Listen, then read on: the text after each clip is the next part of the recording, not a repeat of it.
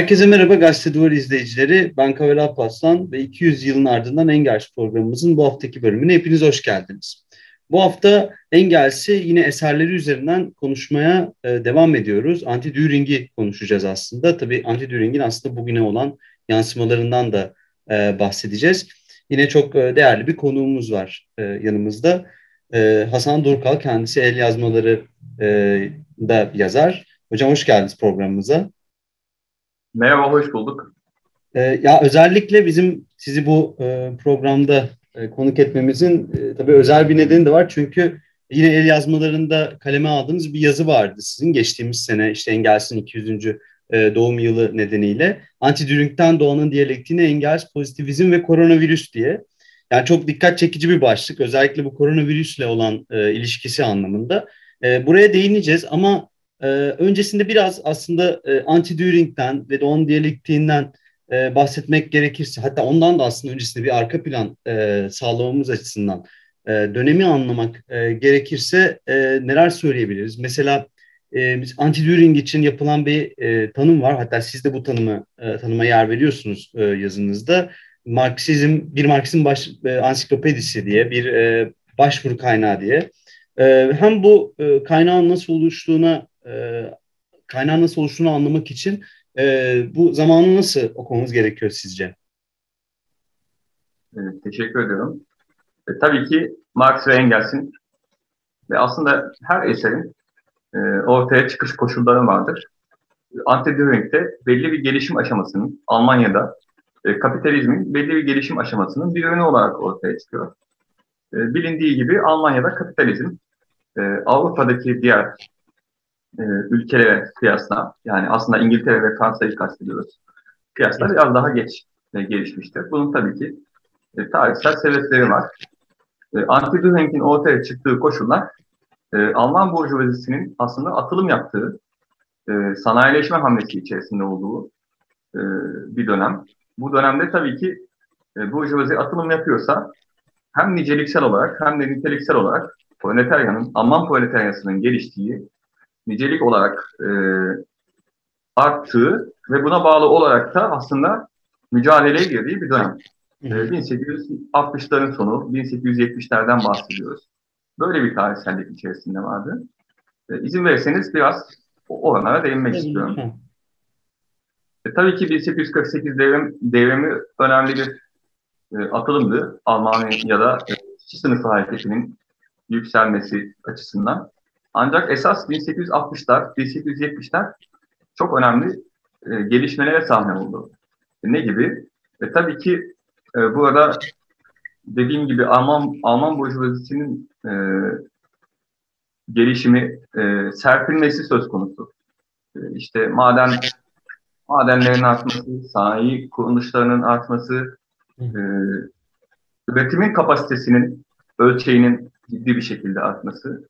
Buna bağlı olarak işçi sınıfının e, işçi sınıfı nüfusunda ciddi bir artış var. Sadece bu da değil. Baktığımız zaman e, işçi sınıfı kapitalizmin ne olduğuyla da yüzleşiyor diyebiliriz e, bu dönemde. Ve tabii ki kapitalist e, üretimin yarattığı olumsuz koşullara karşı bir takım mücadeleler içerisinde oluyor. Örgütleniyor. Çeşitli işçi birlikleri ortaya çıkıyor. E, işçi dernekleri ortaya çıkıyor. Sendika, sendikal yapılar ortaya çıkıyor. E, ve işçi sınıfı e, burjuvazinin karşısına bir sınıf olarak e, çıkıyor. E, çıkarken tabii ki şerbet bir şekilde çıkmıyor. İşçi sınıfı içerisinde birçok eğilim e, baş gösteriyor. E, bilenler bilir.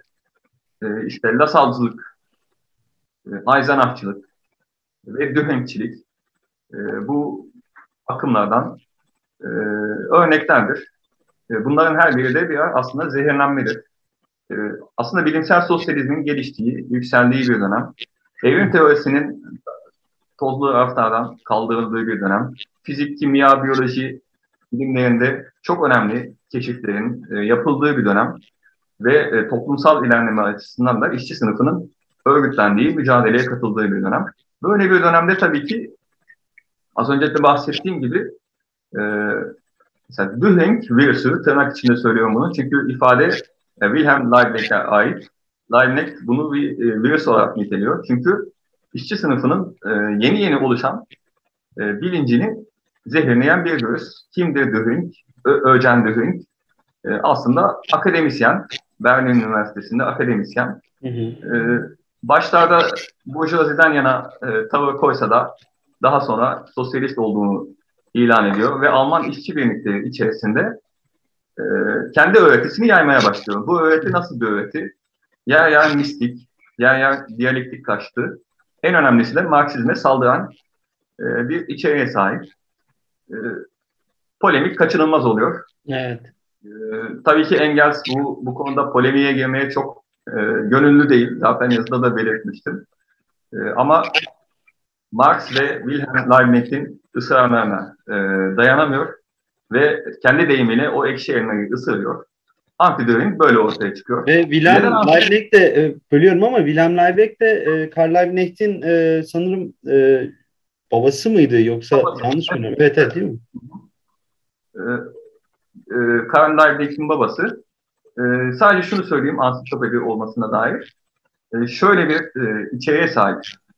E, işte ekonomi politik eleştirisinden e, diyalektik kategorilerin açıklanmasına ve örneklenmesine, fizik, kimya, biyoloji alanındaki gelişmelerden e, işte ne diyelim işçi sınıfının e, bilincine dair vurguların olduğu çok kapsamlı bir eser hakikaten baktığımız zaman. Mesela diyalektiğin kategorilerini açıklarken Engels kimya biliminden e, bazen bahsediyor. Bazen bir bakıyorsunuz e, işte yatsımanın yatsıması e, kategorisinden bahsederken e, tarihsel maddeciliğin konuşuluyor ve işte e, mesela Burjuvazi'nin nasıl feodal e, aristokrasiyi e, yatsımışsa e, işçi sınıfının da onu nasıl yatsıyacağını, nasıl sosyalist bir toplumun kurucu öznesi haline geleceğini açıklıyor. Bu açıdan ansiklopedik bir eser olarak nitelendiriliyor.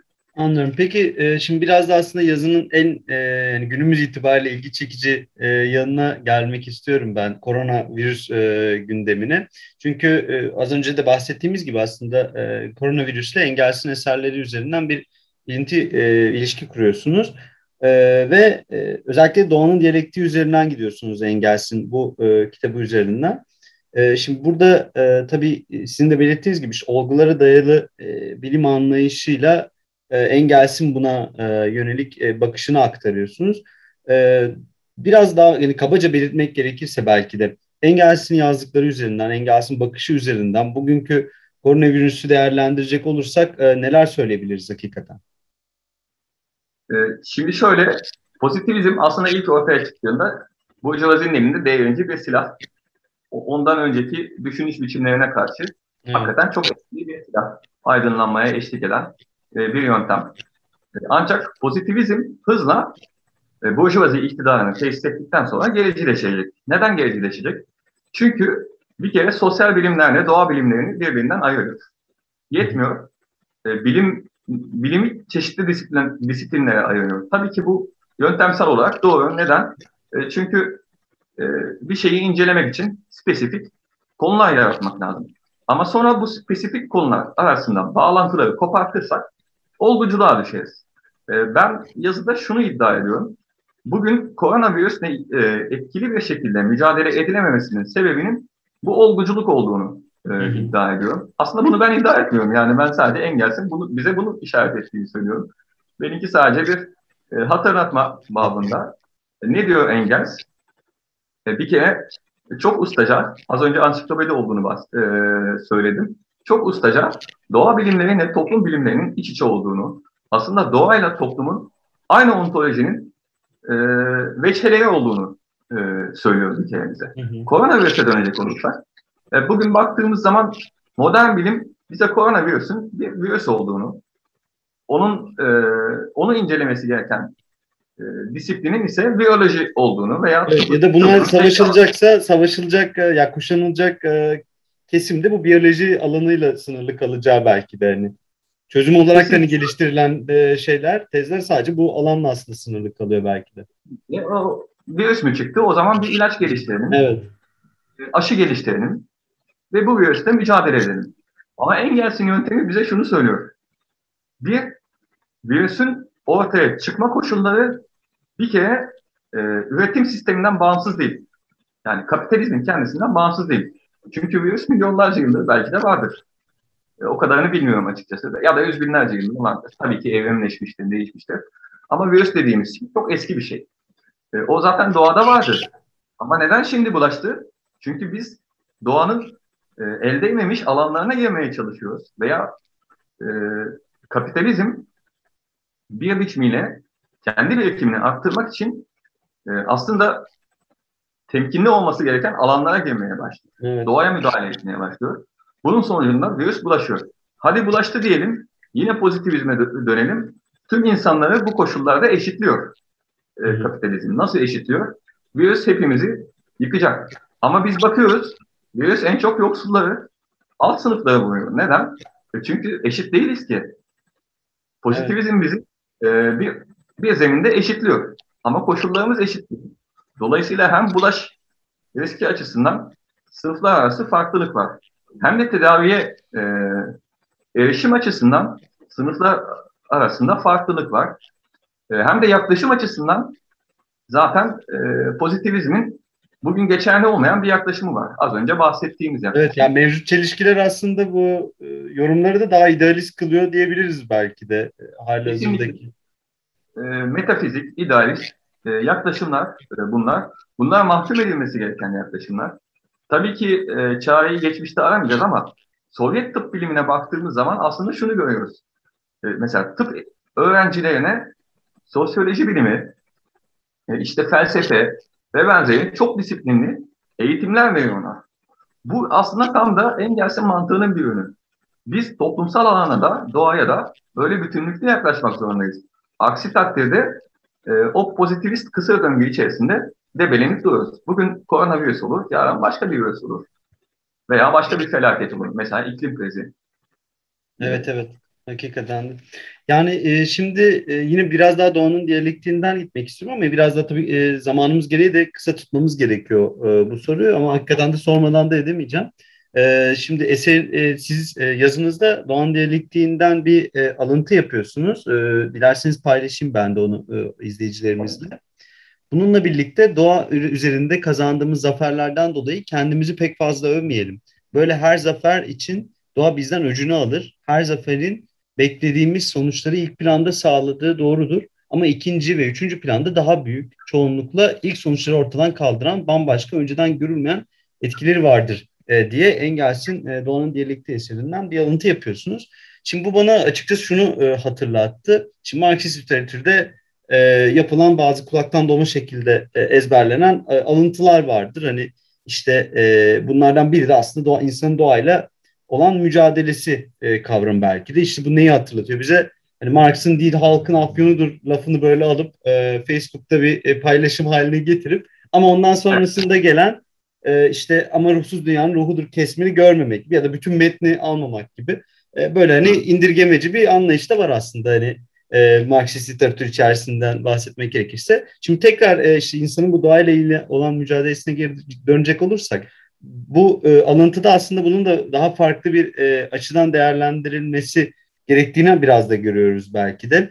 E, sizce bu e, basitleştirdiğimiz doğayla mücadele kavramını, hani Marksist literatürde basitleştirdiğimiz bu kavramı e, Engels üzerinden e, okumak gerekirse e, neler ekleyebiliriz sizce? E, şimdi doğayla mücadele aslında bizim ortaya çıkış koşullarımız, insanlığın ortaya çıkış koşullarında son derece meşhur bir şey. Doğayla mücadele değil de. Biz bugünkü anlamda doğanın e, alanlarını fethetme anlamında kullanmıyoruz. Aslında Engels de öyle kullanmıyor.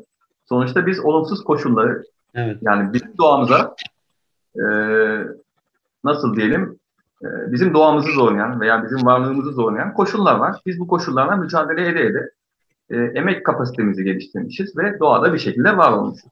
Şimdi tabii ki bunun bugünkü veçesi kapitalizm. Engels de kapitalizmden bahsediyor. E, bu artık şeyden çıkmıştır. E, insanın e, doğanın olumsuz, kendisine olumsuz gelen koşullarıyla mücadelesinden çıkmıştır. E, başka bir hale almıştır. Doğanın fethedemesi. Tıpkı Francis Bacon'ın İngiliz materyalistinin doğanın fethedilmesi, tahakküm altına alınması gerektiğine dair o aydınlanmacı tezlerinde olduğu gibi aslında Engels burayı eleştiriyor. Yani doğanın bir içsel mantığı olduğunu, e, onun kendi işleyişinin olduğunu, kendi zamansallığı olduğunu e, söylüyor. Yani biz bu zamansallığı belki zihinsel kapasitemizle ve bedensel kapasitemizle ulaştığımız kapasiteyle belki e, aştığımız için kendimiz de övünebiliriz. E, ama bu bize e, felaket olarak geri döner. Ta 19. yüzyılda bunu gördü, gö, görüyorlar kendileri. Bugün biz ne görüyoruz? İklim krizini görüyoruz. Koronavirüs evet. e, salgınını görüyoruz. Okyanus asitlenmesini görüyoruz. Bir sürü çevresel felaketi görüyoruz. E, bence bu pasaj e, son derece çarpıcı bir pasaj. Bugün de e, başucu e, kaynaklarımızdan biri olması gerektiğini düşünüyorum. Evet, şimdi son olarak e, bizim tüm konuklarımıza sorduğumuz bir soru var. Onu da e, sizinle paylaşmak çok istiyoruz.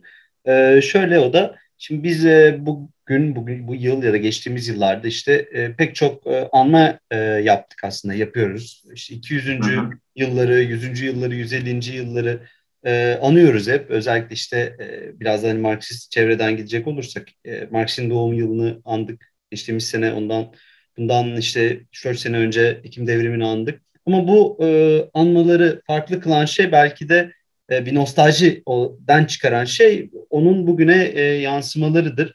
O nedenle hani Engels üzerinden gidecek olursak, Engels'in e, 200 yıl önceden bugüne e, yansıttıklarını e, düşünecek olursak, e, 100 yılımızdan nasıl okuyabiliriz sizce Engels'i?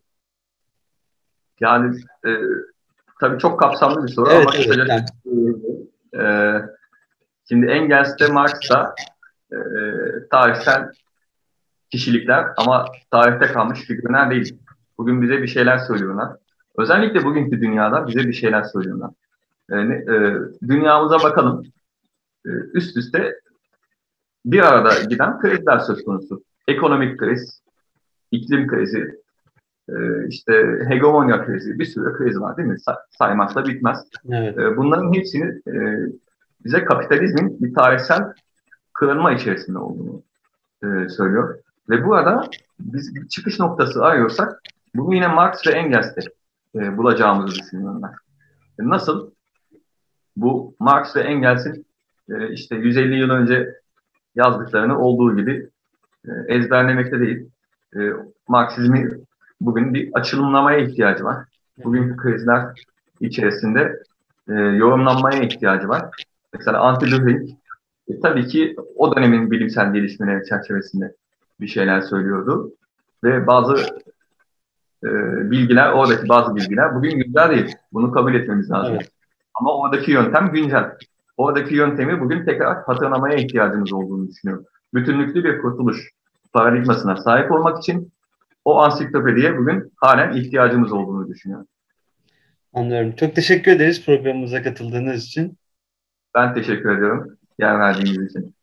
Ee, evet, bugünkü programımızda 200 yılın ardından Engels'i konuşurken e, özellikle eserleri üzerinden gitmeye e, çalıştık. Doğan'ın diyalekti ve antidürik gibi eserleriyle Engels'i konuştuk. Konuğumuz el yazmaları yazarı Hasan Dur kaldı farklı programlarda yine e, daha farklı konuları, gündemleri değerlendirmek dileğiyle diyelim. Şimdilik hoşçakalın.